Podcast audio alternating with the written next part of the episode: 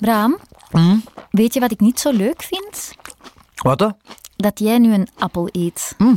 Waarom? Dat geluid, dat gesmak, dat... Ik kan daar eigenlijk echt niet tegen. Ik word er een beetje misselijk van. Mm. Ja, ik heb een lichte vorm van misofonie. Wat is dat? Misofonie, dat is eigenlijk dat je geluid haat. Nu, ik haat niet elk geluid natuurlijk. Ik hou zelfs van de meeste geluiden. Maar sommige geluiden zijn voor mij ondraaglijk om te horen. En, en ehm, deze voetstappen bijvoorbeeld, wat, wat vind je daarvan? Oh, nee, nee, nee. Sorry. Nee, nee, nee. Stoppen, stoppen. Of, eh, of dit geluid? Oh, nee. Oh, ik, dat vind ik zo irritant. Zeg, en, en Leen, als ik aan de microfoon krap... Daarvan krijg ik eigenlijk pijn, zo op mijn huid en aan mijn voortanden. Oei, en, en dit? Nee, oh, Bram, ik zou graag hebben dat je stopt met al die geluiden. Ik heb nu al buikpijn en we zitten nog maar aan de intro van Wetenschapje. Allee, Bram, ik had toch gevraagd om te stoppen met die geluiden? Ja, maar Leen, dat ben ik niet. Niet of wat? Nee. Oh nee, dan zit die mug hier in de studio. Oh, ja, dan ga ik die vangen, hè. Het geluidshuis stelt voor. Wetenschapje, een podcast over... Ja, wetenschap. Straf, hè. Over kleine en grote vragen van grote en kleine denkers. Ja, ze. Goed. Hoe komt dat eigenlijk dat muggen zo'n irritant geluid maken? Ja, dat wil ik wel eens weten. Waarom zoomen muggen? Ik vind muggen irritant, maar ik heb iemand ontmoet die dat niet vindt. Zij heeft zelfs een lievelingsmug. de sabetismug. En dat is een heel felgekleurde mug, glinsterend ook blauw. En die heeft van die precies beenverwarmers aan. Dat is een van de mooiste muggen die er bestaan in de wereld. Dit is Isra. Ze is biologe en werkt voor het Instituut voor Tropische Geneeskunde in Antwerpen. Daar doet ze allerlei onderzoeken met muggen. Ik ben even die Sabetes-mug gaan opzoeken. Wauw, wat een prachtige kleuren heeft die. Zo groen, paars, blauwachtige poten en vleugels. En de middelste pootjes van die mug hebben precies allemaal kleine haartjes. Die lijken, ah ja, inderdaad, een beetje op beenwarmers. Of op van die borstelrollen in de carwash. Echt super speciaal. Je moet die maar eens opzoeken, die Sabetes-mug. Wij willen dus weten waarom muggen zoomen. Maar daarvoor moeten we eerst weten wat een mug is. Wel, een mug is een insect, dus heeft zes poten. Het is ook een familie van de vliegen, dus die heeft één vleugelpaar. En die heeft vooral een, lange steeksnuit. Dat is heel kenmerkend voor de steekmug. En lange antennes. Wat doen ze met die antennes? De antennes die zijn redelijk lang en er staan zo haartjes op. Dus die kunnen daarmee bepaalde moleculen waarnemen. Dus een beetje als ruiken bij ons, een beetje de neus als bij ons. Hoeveel muggensoorten zijn er eigenlijk wereldwijd? Ja, over gans de wereld zijn er meer dan 3500 soorten. En in België komen er een 33 soorten muggen voor. Binnen de grote familie van steekmuggen zijn er verschillende soorten, zoals de huissteekmug, de malariamug of de tijgermug. Maar zijn er dan nog andere families? Heel veel verschillende families van muggen. Je hebt ook nog muggen die niet steken, zoals de langpootmuggen. Mensen denken vaak die grote muggen, dat dat ook steekt, maar die steken dus niet. De dansmuggen, de spookmuggen, dat zijn alle andere families. Spookmuggen? Kei grappige naam. Blijkbaar komen die muggen aan hun naam omdat hun larven keihard op spookjes lijken. De dansmuggen of vedermuggen hebben een soort van veertjes op hun kop. Vandaar de naam vedermug. Of ze ook goed kunnen dansen, weet ik niet. Zeg, dat was een dikke voorpoot. Oh, sorry. Hey, ga je trapt op mijn rechter rechterpoot. Oh, sorry. Ha, pas op, je staat op mijn vleugel. Oh, sorry.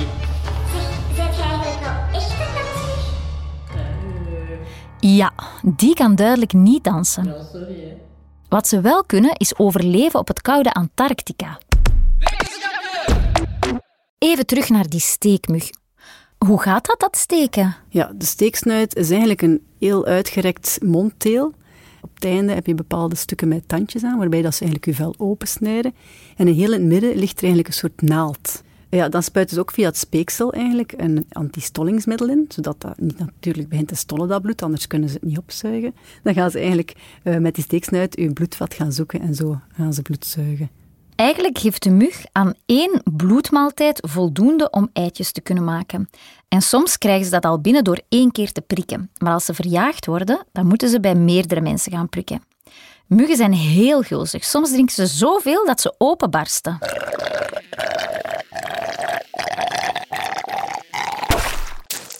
Als je dan gebeten bent door de mug, dan kan die beet behoorlijk gaan jeuken. Hoe komt dat? Die spuiten een soort antistollingsmiddel in via het speekselklieren.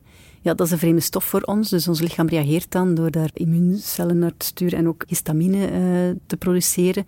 En daardoor jeukt dat dan. Hè. Dus een beetje ons lichaam die vecht tegen die vreemde stoffen. Sommige mensen hebben meer muggenbeten dan anderen. Misschien is er wel iemand in jouw gezin die een soort van muggenmagneet is. Wel, die muggen komen af op de geur van CO2 die mensen uitademen. Ja, mensen ademen zuurstof in en CO2 terug uit. Hoe dat precies zit, leg ik misschien ooit nog wel eens uit in een nieuwe aflevering. Muggen kunnen CO2 al op 50 meter afstand ruiken. En als ze dan dicht genoeg zijn, dan ruiken ze ook zweet van mensen. En als ze dan heel dicht zijn, dan voelen ze de warmte en de vochtigheid van iemands lichaam. En hoe warmer en vochtiger, hoe liever muggen het hebben. De mug steekt om bloed te zuigen. Waarom heeft hij dat nodig? Ja, de vrouwtjes uh, zuigen bloed omdat ze eigenlijk die proteïnes en ijzer nodig hebben om nieuwe eitjes te maken. Maar het is niet alleen dat ze bloed drinken, ze zuigen natuurlijk ook wel andere voedingsmiddelen, zoals nectar of zo, om suiker te krijgen voor energie te hebben. Ah, dus de mug is ook een bestuiver, net zoals de bij. Als je meer wil weten over de bij, luister dan zeker ook eens naar aflevering 1.2, zijn bijen superhelden. En die aflevering klinkt zo. In een wereld, hier niet ver vandaan, leeft een gespierd wezen dat 200 keer per seconde met zijn vleugels kan flapperen. Gekleed in een zwart-geel gestreepte maillot met wel 3 miljoen fijne haartjes op zijn lijf. Elke dag riskeert hij zijn leven. Hij is een held. Hij is Superbij. Superbij. Ja, genoeg over de bijen, terug naar de mug. En de mannetjes, zuigen die ook bloed? Alleen de vrouwtjes bijten, de mannetjes die zuigen enkel nectar en dienen enkel om eigenlijk te paren. En die sterven al na een paar dagen, een week. Maar, och garme die mannen. Isra vertelde al dat enkel de vrouwtjes komen bijten omdat ze eiwit en ijzer nodig hebben om eitjes te kunnen produceren. Als mannetjes en vrouwtjes elkaar willen vinden om te paren, moeten ze heel dicht bij elkaar vliegen. Vliegen doen ze door een achtbeweging te maken met hun vleugels. En dat fladderen wordt iets heel speciaals als ze willen paren. Dan gaan die eigenlijk dichter bij elkaar gaan vliegen. De mannetjes uh, hebben een iets hogere frequentie, de vrouwtjes iets lager. En gaan die proberen te synchroniseren. Dus die frequentie gelijk te maken. En als ze dan dicht genoeg zijn, kunnen die paren. Aha, zalig! Dus die muggen proberen even snel met hun vleugels te fladderen. Als ze dezelfde snelheid gevonden hebben en in hetzelfde ritme fladderen, zeg maar, dan betekent het dat ze een match hebben. Zalig! Ja, goed bezig, hè? Oh, kom maar goed. En dan, beetje hoger nog. Beetje sneller, beetje hoger. Ja, ja, van ah, kramp in mijn vleugel. Oei. Een vrouwtje moet maar één keer in haar leven met een mannetje paren. Toch, hè? Die vrouwtjes hebben een soort spermatheca, een soort zaadzakjes. Die ze slaan al de sperma op voor de rest van hun leven. Dus die paren maar één keer. Sperma is een ander woord voor zaadjes van de man. En om babytjes te maken zijn er eitjes nodig van de vrouw en zaadjes van de man. Oké, de vrouwtjes hebben bloed gedronken, goed om veel eitjes te maken, en er is sperma aanwezig. Waar leggen ze dan hun eitjes? De huissteekmuggen leggen die in soort bootjes, allemaal mooi naast elkaar opgezet, een stuk of 100 tot 200 kunnen dat er zijn, op het water drijvend. Voor alle duidelijkheid, die eitjes liggen niet echt in een bootje. Hè. Die vormen zelf een bootje, omdat ze soms wel met meer dan 200 lekker dicht bij elkaar liggen.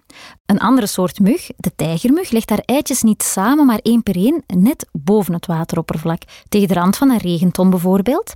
De malaria-mug legt haar eitjes dan weer plat op het wateroppervlak, in de vorm van geometrische figuren, driehoeken bijvoorbeeld. Als die eitjes in het water liggen of onder water staan, komen ze na een paar dagen uit. Er komt niet meteen een volwassen mug uit zo'n eitje. Een mug wordt geboren als larve. En die larven hebben vier stadia. Die vervellen vier keer die worden groter en groter. Uh, die larven voeden zich in het water met allerlei organismen, uh, algen, bacteriën, micro-organismen. En dan gaan die eigenlijk op een bepaald moment, afhankelijk van de temperatuur van het water, als het heel warm is, kan dat op een week tijd. Als het kouder is, duurt dat soms drie, vier weken. Dan gaan die verpoppen. Dus die maken een soort pop die niet meer eet. Een beetje zoals bij een vlinder, een kokon. Dan eigenlijk wordt in die pop al de volwassen mug gevormd. Je ziet die soms al zitten. En dan gaat die, dat barst open en dan komt die mug er heel langzaam uit.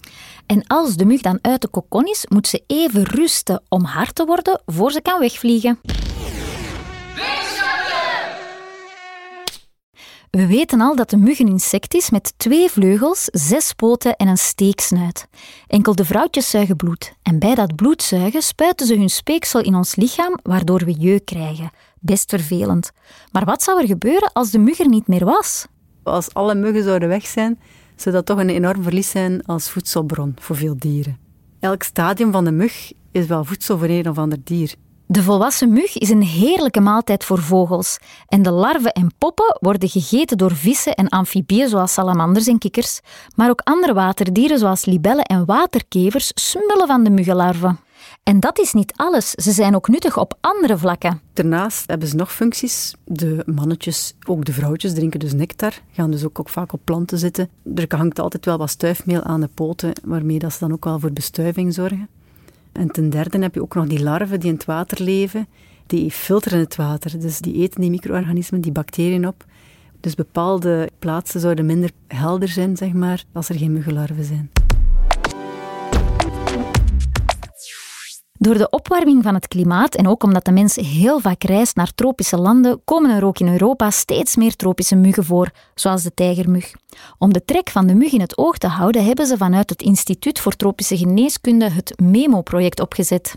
Ja, het MEMO-project was eigenlijk de bedoeling om op verschillende importplaatsen eigenlijk muggenvallen opgezet te hebben, om dan te zien of dit de tijgermug daar gevangen wordt. Importplaatsen zijn luchthavens, zeehavens, bloemen- en plantenveilingen, maar ook importbedrijven en parkings. Aandacht, aandacht. Bericht aan alle muggen. Op de vlucht Thailand-België is in de bagageruimte nog plaats voor drie muggen en zeven larven. Gelieve zo snel mogelijk naar de balie te zoomen. En ze hebben tijgermuggen gevonden. Dat betekent dat die mug meereist met de mens.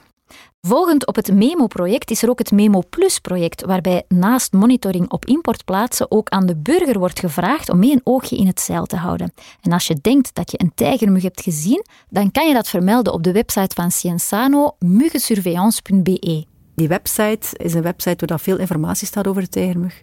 En ook als je denkt, ah, ik heb een tijgermug gezien, dan kun je een foto nemen en uploaden en dan checken wij of dat, dat een tijgermug is of niet. En als dat zo is, dan komen ze die mug bestrijden.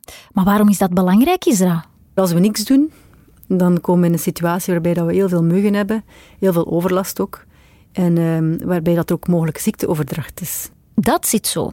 De mug zelf hoeft niet per se drager te zijn van een virus bij het binnenkomen van België, want wij mensen reizen heel veel. De mug kan een persoon die net terug is uit de tropen en besmet is bijten en zo het virus overdragen. De tijgermug kan het dengue-virus overdragen. Dat is een virus waarbij je griepsymptomen krijgt, koorts, gewrichtspijn en in heel uitzonderlijke gevallen kan je daaraan sterven. De malaria-mug kan de malaria-parasiet overdragen, maar de malaria-mug komt momenteel niet voor in België. Het is hier niet warm en ook niet vochtig genoeg. En gelukkig maar, want malaria maakt jaarlijks over heel de wereld 400 tot 600.000 doden. Ook al zijn de muggen best nuttig als voedsel voor andere dieren, als bestuiver en om onze wateren zuiver te houden, wij mensen vinden ze over het algemeen gewoon irritant. Het goede nieuws is wel dat we zelf heel wat kunnen doen om ze buiten te houden. Stap 1. Zorg ervoor dat je in je tuin of dakgoot geen stilstaand water hebt staan, zodat muggen er geen eitjes in kunnen leggen. Stap 2. Gebruik vliegenramen of een klamboe. Stap 3. Muggen worden resistent voor anti-muggenspray en van die toestellen die in het stopcontact steekt. Gebruik deze dus zo weinig mogelijk, enkel als je naar de tropen gaat. En als het nu toch niet lukt om ze buiten te houden, die muggen, dan zit je binnen met dat vervelende gezoem. Hoe komt dat nu, dat muggen zoomen? Waarom zoomen muggen? Ja, de muggen hebben dus een vleugelslag die een bepaalde frequentie heeft. En bepaalde muggen horen beter dan andere. Dus ja, dat zoomt dan. Hè. Dat zijn de vleugels die eigenlijk bewegen. Ah, maar dat gezoem komt dus helemaal niet uit hun snuit, maar wel uit hun vleugels.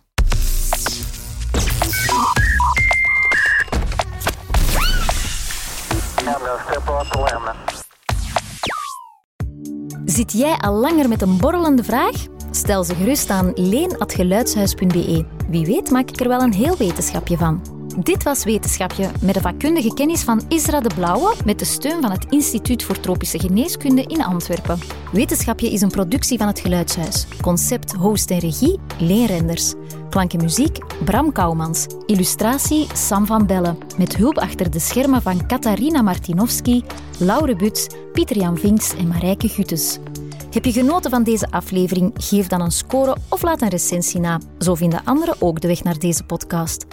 Op wetenschapje.be vind je meer info en onze andere producties zoals Piep, Fladdermuis en Het Hart van de Yeti en heerlijk hoorspel De Haan Kantenkleer. Dag wetenschappers, tot snel! Zeg Bram, doe jij nog even het licht uit? Ja, ik eh, ben nog heel even bezig.